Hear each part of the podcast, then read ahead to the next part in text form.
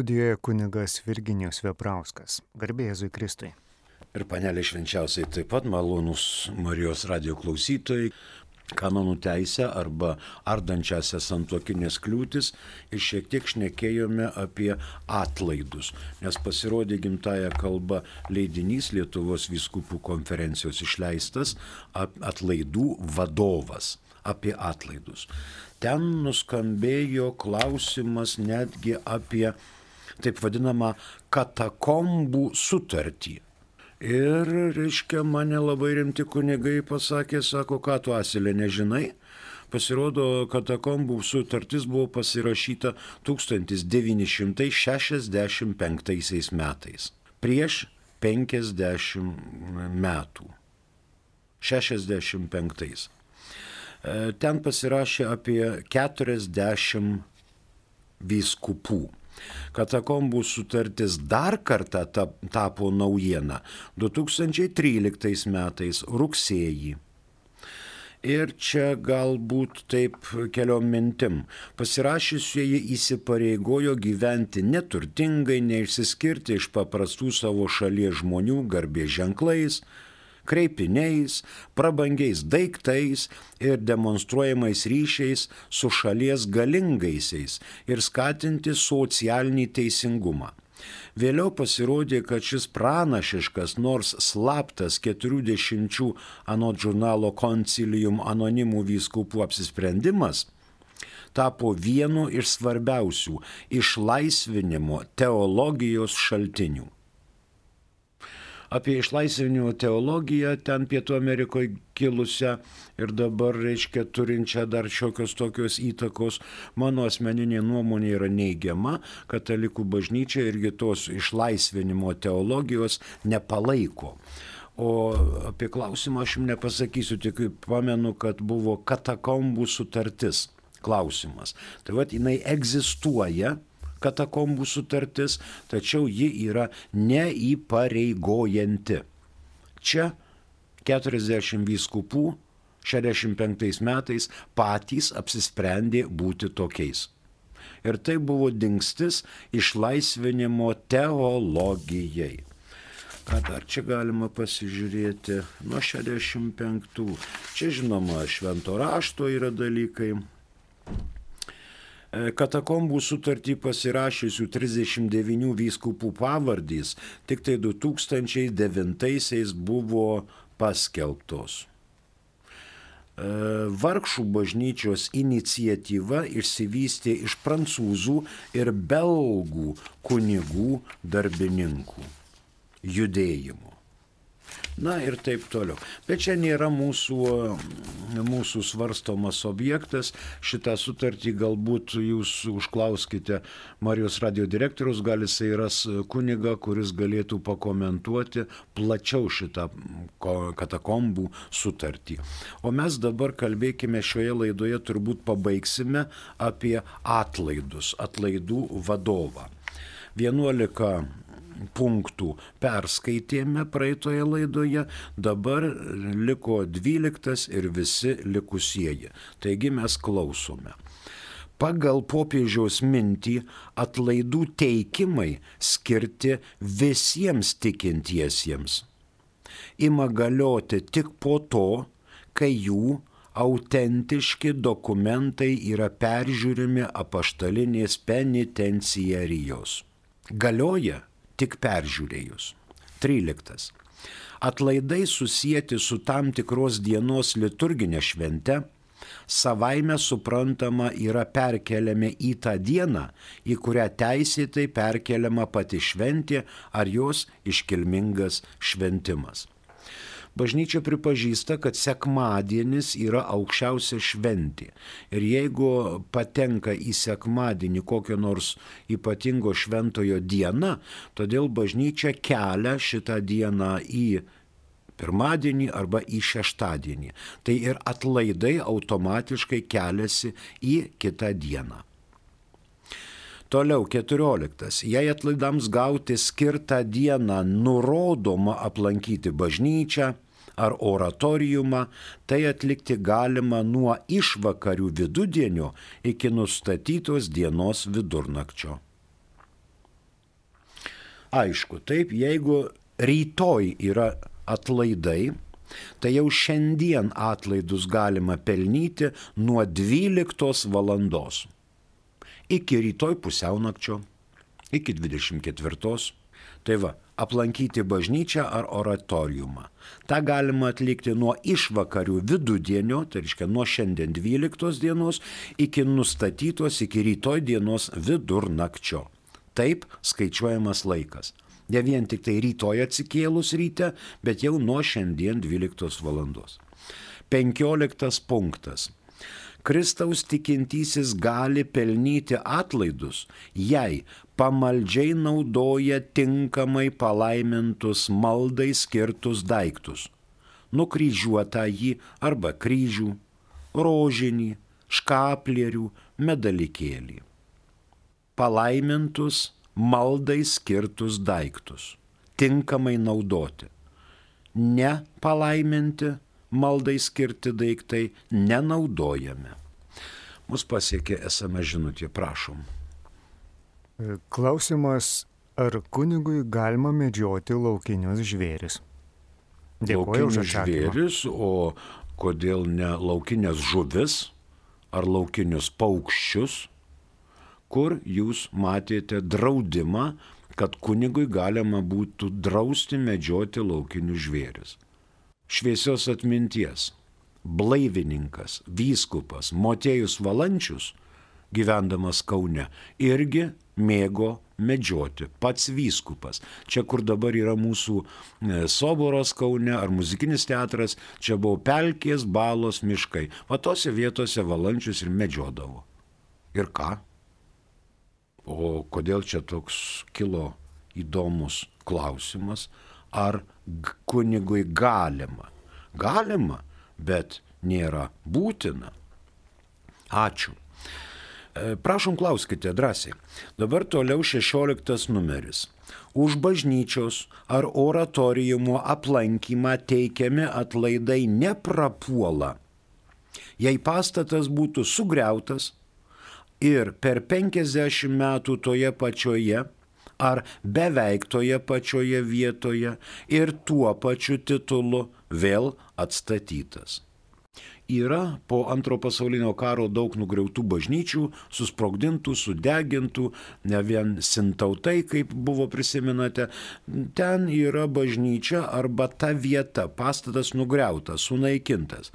Ir per 50 metų toje pačioje ar beveik toje pačioje vietoje ten šventoriui netoli, apie kleboniją ir nu, parapijos teritorijoje.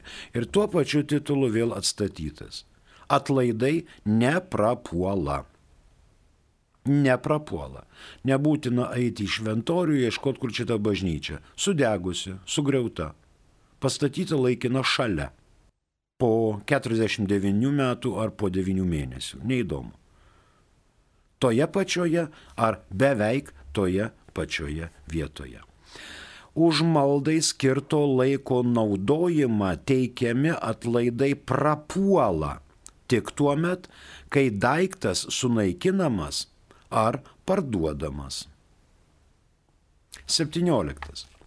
Pelnyti atlaidus gali tas, kuris yra pakrikštytas, ne ekskomunikuotas, bent nustatytų darbų pabaigoje esantis malonės būklėje. Tai va, jeigu dabar iš pažinties netlikau, bet įvykdžiau visas sąlygas, aplankiau, pasimeldžiau, nuėjau ir vakare atlikau išpažinti. Tai nustatytų darbų pabaigoje jau atgavau malonį stovyje, stovį ir atlaidai neprapuola. Galiu pelnyti atlaidus. Kad subjektas iš tikrųjų galėtų juos pelnyti, privalo turėti bent intenciją juos gauti ir atitinkamų būdų bei nustatytų laikų atlikti paskirtus darbus pagal teikimo sąlygas. Jeigu jisai neturi intencijos gauti atlaidus, tai jis jų ir negauna. Bet jeigu jis jų nori, trokšta, pildo visus būtinus nurodymus, tada jis juos gauna. Kitaip negauna. 18. Visuotiniai atlaidai gali būti pelnyti tik vieną kartą per dieną. O daliniai atlaidai gali būti pelnyti daug kartų per dieną. Tačiau mirties akivaizdoje Kristaus tikintysis galės pelnyti visuotinius atlaidus, net jei tą pačią dieną jau būtų gavęs kitus visuotinius atlaidus. Ryte buvo visuotiniai atlaidai, aš juos pelniau, bet vakare patekau į insultas, infarktas, avariją, nuvežė į ligoninę, aplanko kunigas ir vėl suteikia visuotinius atlaidus. Tai yra mirties pavojus ir duodami antri visuotiniai atlaidai. Už tikėjimų, vilties ir meilės aktų sužadinimą. 19 norint gauti visuotinius atlaidus susijęs su tam tikra bažnyčia ar oratoriumu, nustatytas darbas yra jų maldingas aplankimas, sukalbant juose viešpaties maldą ir tikėjimo išpažinimą. Tai yra tėvė mūsų ir tikiu. Nebent teikimo sąlygose būtų nustatyta kitaip. Jeigu mes į bažnyčią ar oratoriumą einame kaip turistai, pasidaryti kokios freskos, kokie vitražai, kokie altoriai, kokie pauksavimai, tai nėra maldingas aplankimas. Maldingas aplankimas yra tos bažnyčios su intencija pagarbinti viešpatį ir šventuosius, kurie tenais turi relikvijas, ar yra jų paveikslai ir taip toliau. Ir maldingas aplankimas numato procedūrą, kad reikia sukalbėti tėvę mūsų maldą ir tikėjimo išpažinimą. Tikėjimo išpažinimas yra simbolis, ką visi katalikai kalbame ir pripažįstame, kad ten ir mirusių prisikėlimas, ir šventųjų bendravimas, ir teismas amžinas, ir taip toliau, taip toliau nebent teikimo sąlygose būtų nustatyta kitaip. Tai va kas yra maldingas aplankimas bažnyčios ar oratoriumo. Numeris 20. Visuotiniams atlaidams gauti būtina ne tik atsisakyti bet kokio prisirišimo prie nuodėmės, net ir lengvos, bet ir atlikti darbą, už kurį skiriami atlaidai ir įvykdyti tris sąlygas. Atlikti sakramentinę išpažinti, priimti Eucharistinę komuniją ir pasimelsti popiežiaus intencijomis. Apie sakramentinę išpažinti viskas aišku, priimti Eucharistinę komuniją. Tai nereiškia, kad nuotoliniu būdu klausydamas Marijos radio ar žiūrėdamas televizorius transliacijos mišiuose priimu dvasinę komuniją. Bet čia yra reikalavimas aiškus - priimti Eucharistinę komuniją. Realiai, bet nedvasiškai. Ir pasimelsti, aišku, popiežiaus intencijomis atlikus vieną sakramentinę išpažinti, galima pelnyti keletą visuotinių atlaidų. Tačiau viena Eucharistinė komunija ir viena malda popiežiaus intencijomis galima pelnyti tik vienus visuotinius atlaidus. Jeigu aš šiandien atlikau išpažinti malonės stovyje, šiandien pelniau visuotinius atlaidus, šalia to prieimiau komuniją ir pasimeldžiau popiežiaus intenciją. Ir jeigu aš rytoj noriu tomis pačiomis sąlygomis, kurios yra man priimtinos, vėl gauti visuotinius atlaidus arba juos aplikuoti mirusiesiems, aš jausdamasis malonės stovyje neprivalau eiti iš pažinties, bet privalau vėl priimti Eucharistinę komuniją ir pasimelsti popiežiaus intencijomis. Toliau, trys sąlygos gali būti įvykdytos kelias dienas prieš ar po nustatyto darbo atlikimo. Tačiau priimti komuniją ir sukalbėti maldą popiežiaus intencijomis dėrėtų tą pačią dieną, kurią atliekamas darbas. Toliau, jei trūksta tinkamo nusiteikimo arba lieka iki galo nepadarytas nustatytas darbas ir neįvykdomos trys sąlygos, tuomet atlaidai bus tik daliniai. Sąlyga pasimelsti popiežiaus intencijomis visiškai įvykdoma tada, kai sukalbama jo intencijomis vieną kartą Tėve mūsų ir sveika Marija. Tačiau pavieniams tikintiesiems palikta laisvė sukalbėti bet kurią kitą maldą pagal kiekvieno pamaldumą ir Dievo baimingumą. E, kitais metais popiežius skrenda į Iraką. Jis turi ir tokių intencijų. Tai vad, jeigu pasimelsti popiežiaus intenciją, tai reiškia minimum Tėve mūsų ir sveika Marija. Ir galima primesti dar kažką tokio, ką mes mėgstame e, melstis, kokią tai formulę. Popiežiaus intencija. Tėve mūsų ir sveika Marija. Toliau 21. Negalima pelnyti atlaidų darbu, kurį atlikti esame įpareigoti įstatymu ar įsaku. Nebent atlaidų teikime apie tai aiškiai sakoma priešingai. Vienuolino vyresnioji liepė seseriai į virtuvę išplauti indus. Tai ta grikšėdama dantimis sako, ai čia tas, reiškia, riebus čia indai, valiklių nėra, mazgoti kaip nosiniai, suplyšusi, tingiu. Tada aš paukosiu šitą darbą kaip atlaidams gauti darbą. Tikrai ne. Čia yra įpareigota sesuo įstatymu arba įsaku ir jinai už tai atlaidų gauti negali. Tai yra jai paliepimas. Toliau, tačiau kas atlieka darbą paskirtą kaip sakramentinę atgailą, gali tuo pačiu atlikti atgailą ir pelnyti už šį darbą skiriamus atlaidus. Žodžiu, sakramentinė atgaila galima. Tarkim, sukalbėk dalį rožančiaus arba visą rožančių, apie kryžiaus kelius.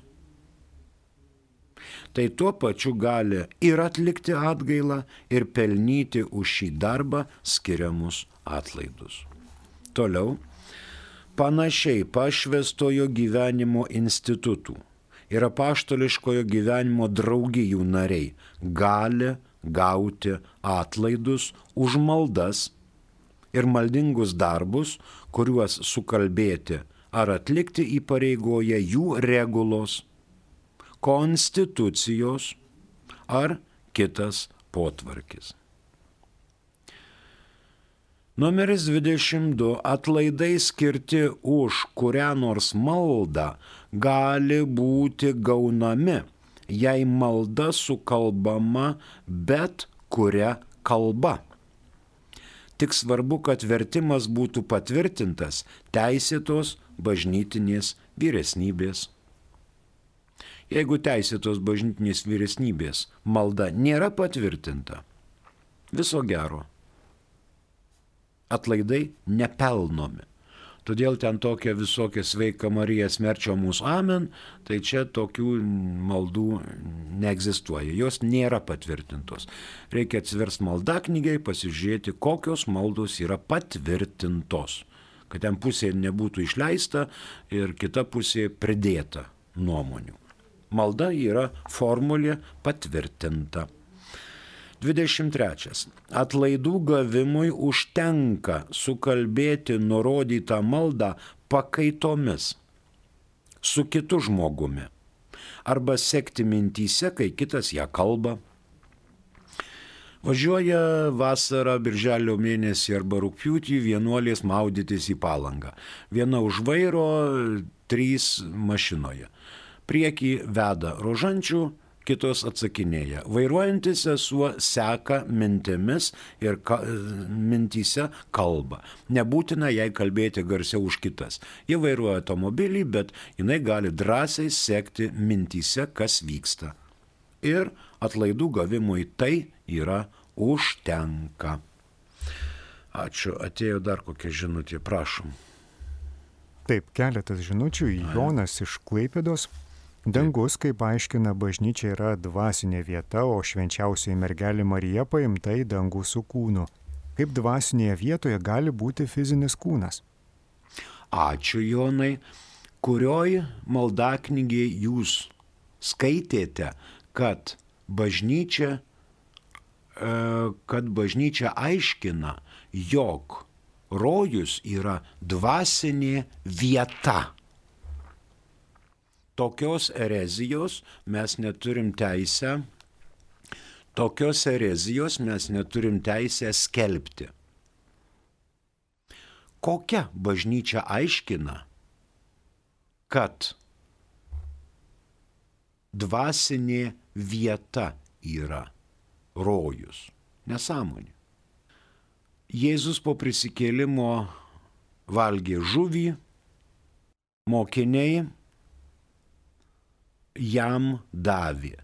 Mūsų kūnas po prisikėlimo bus, bet nebus toks kaip dabar. Mes nei vesime, nei tekėsime. Reiškia, su aistrom bus šiek tiek kitaip. Ir Jonai čia yra jau erezija, mes nepasirašom ant šito. Ten danguje yra ne vieta, bet būsena. Ačiū. Kitas. Ką reiškia žodis rarotos? Rarotos žodis yra iš pirmos, giesm, pirmos giesmės žodžio. Rorate cėlium. Rasokite dangus. Visas Senas testamentas laukė ateinančio išganytojo mesijo ir pamaldžiai kreipėsi į aukštybės, į Dievą, dangus rasokite, pagaliau išlykite mums teisųjį. Todėl per Advento pirmasias ankstyvasias šventasias mišes sekmadieniais uždegama rarotų žvakė. Pavyzdžiui, pusę septynių Vilniui Pilypo ir Jokūbo bažnyčioje rarotos uždegama žvakė ir gėdamos prieš mišes giesmios. Rasokite dangus. Tai e, lotiniškai rorate, o lietuviai išsiverčia rarotos. Labai viskas paprasta, aišku ir suprantama. Einam visi ant rarotų. Ačiū. Kitas klausimas. Prašom. Yra pamaldžių moterų, kurios komuniją priima tik klaupdamosi ant kelių. Ar jos neturi būti įpareigotos priimti visiems nurodytų būdų? Dabar būdai nurodyti per šią pandemiją yra trys. Galima atsiklaupus ant kelių, galima stovint, galima į ranką. Taip. Dabar toks reiškia lengvas juokas. Klebonas per pamokslą ne per pamokslą, bet prieš komuniją pasako, šventąją komuniją dalins du kunigai. Prie švenčiausiosios mergelės Marijos visi gaus į burną, o prie Jėzaus širdies visi gaus į ranką. Ir suprask žmogau, kaip tau patinka. Tai dabar yra būdai. Pamaldžios moterėlės gali imti atsiklaupusios ant kelių, nedraudžiama. Bet matot, yra tam tikri dalykai, kai ateina stovinti žmogus ir priima komuniją, o čia tau klinkt prieš nosį ir atsiklaupė. Ir reiškia, tu būk malonus, duok jai. Duot tai duodi, bet kai jinai kyla, tai jinai terkšt per pušką ir gali viskas pabirėti. Tai geriausia yra pirmučiausia eina visi, kurie mm, ordinariškai stovėdami prieima, o paskui vienas žmogus ar grupelė žmonių pabaigoje atsiklopia ir kunigas visiems pamaldžiai duoda komuniją klūpantiems. Ir ką? Na, neturi būti, žinot, e, nepaimsi krano ir tos pamaldžios moterėlės nepakelsi nuo kelių, jinai kitaip nesupranta, jai kaip buvo šventas prieimimas komunijos ant liežuvio, klūpant taip ir yra, nors liežuvis niekiek šventesnis negu mūsų rankos. Tai bažnyčia neįsako, kad būtent taip. Lietuvoje šventos komunijos dalinimas į ranką neįvedamas Bet pandemijos metu leidžiama. Kunigas demonstratyviai prieš eidamas komuniją dalinti, dezinfekuoja rankas ir dalina komuniją. Viskupai nelieps žmonėms neduoti šventos komunijos, kurie eina atsiklaupę, bet reikia moderuoti ir, ir kitais žmonėmis ir kunigo laikysena, kad nebūtų netukėtumų arba čia, oi atsiprašau, aš čia kitaip. Kitas klausimas, prašom. Kodėl daugumoji bažnyčių iškrinta kabutėse šeštadienio Dievo žodis, panašu liktai į žodis? Mhm. Kodėl daugumoji bažnyčių iškrinta šeštadienio Dievo žodis. Nueikit į bet kurią bažnyčią, kurioje laikomos šventosios mišios, katalikų rytu ir pasižiūrėkit, po pirmo skaitinio yra pasakyta, tai Dievo žodis. Visi atsakome, dėkojame Dievui. Jis iškrist negali. Po to skaitinio eina psalmė, tai irgi Dievo žodis, ir pagaliau Evangelija, tai irgi Dievo žodis. O kodėl jis turėtų iš vis iškristi? Tikintieji nori pasiklausyti gimtają kalbą, ką šiandien jiems pateikia bažnyčia skaitinių pavydalu. Ir pas mus tokiu būdu ateina liturginis Kristus. Ačiū už klausimą. Kitas, prašau. Pasisveikinimas sveiki ir prieš kiek laiko pranešama, kad bus visuotiniai atlaidai ir kas turi teisę juos kelbti. Ar gali tai daryti vietos parapijos kunigas? Ačiū. Dabar Šventas Rokas. Palanga, gruždžiai. Taip. Kas dar ten? Kruopiai turbūt. Tai visi žino, kad atlaidai bus tada. Atlaidus skiria popiežius ir deleguoja šitą galę vyskupam. Kiekvienas vyskupas gali parapijoje skirti per metus nedaugiau kaip tris atlaidus. Šalia parcinkulės. Parcinkulė visose bažnyčiose bet tris atlaidus vyskupas gali skirti. Jisai konsultuojasi su, aišku, klebonu. Anksčiau tai būdavo daugiau, dabar nustatyta paštalinės penitenciarijos nedaugiau, paprastoj bažnyčiai. Bazilikoje daugiau, katedroje turbūt galima irgi daugiau turėti. Čia jau priklauso nuo vyskupo teikimo ir apaštalų sosto dispozicijos. Tik matot, pavyzdžiui, yra bažnyčios titulas švenčiausiosios trejybės. Tai klebonas pažiūri per tą švenčiausią trejybę, ten nei ten žmonių daug, nei jie ten žino, kas ta trejybė, o dabar yra dar, reiškia, Antanas šventasis. Va per Antaną, oi, oi, oi, oi, minių minios. Ir klebonas varo arklius pas vyskupą ir sako, žinai, Ta trejybė čia mažai kam suprantama, gal padarykim, kad trejybės čia nebūtų titulo bažnyčios, o padarom, kad titulas bažnyčios būtų Šventas Antanas. Va čia tai jau yra reikalas. Čia gerai. Žmonės renkasi, jie myli Antaną, o čia trejybė, tai kam čia reikalinga? Tada vyskupas, jeigu yra, reiškia, nu, vyskupas, Ir tada jisai rašo į Vatikaną ir Vatikanas atsiunčia raštą.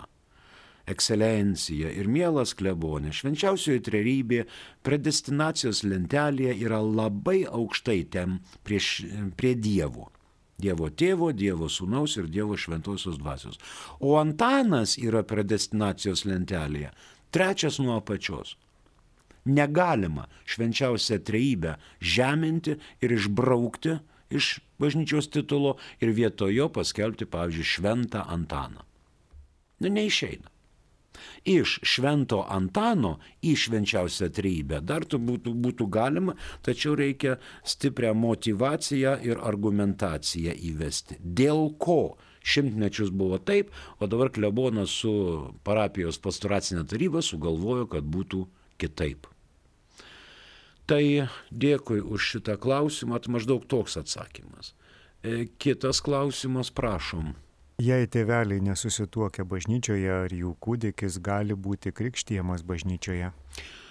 Nesusituokusių tėvelių kūdikis tikrai gali būti krikštytas katalikų bažnyčioje ir pasirūpinkit, kad tai būtų atlikta greičiau.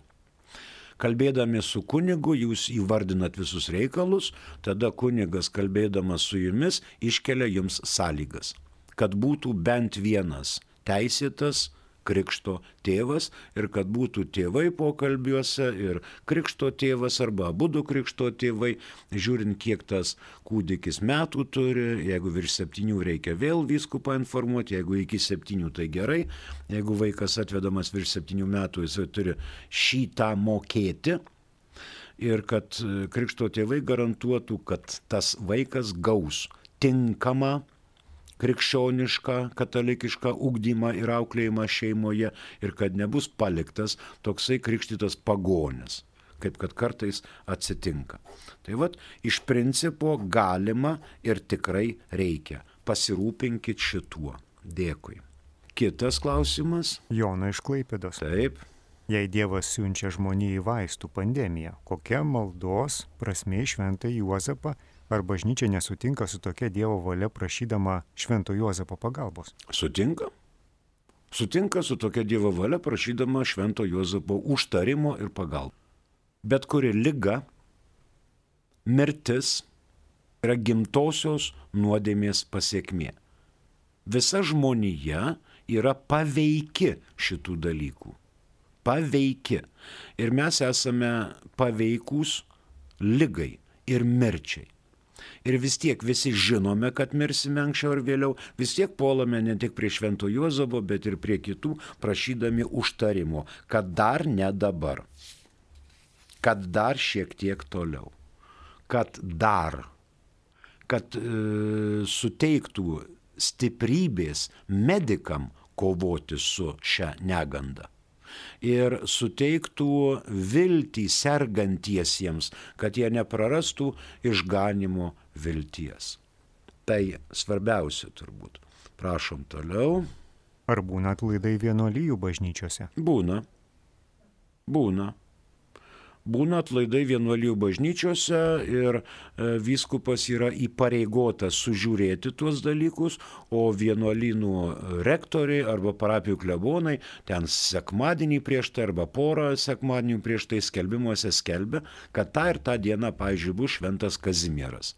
Vilnius šventas Kazimieras pas jėzuitus. Pabandykit išbraukti atlaidus. Tikrai nepavyks. Šventas Kazimieras jėzuituose yra atlaidai. Tai yra vienuolijų bažnyčia. Ačiū. Kitas. Kaip galima įstoti į tretininkų luomą? Ar tai yra specialus pašaukimas kaip į vienuolių luomą?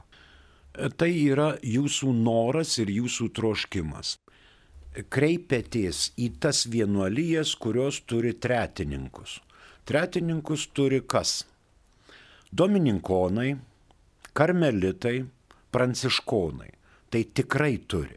Ir jeigu jūs linkstate arba jūsų parapijoje veikia vienuolyje, tada reikia susisiekti su jais. Pavyzdžiui, yra vedę žmonės.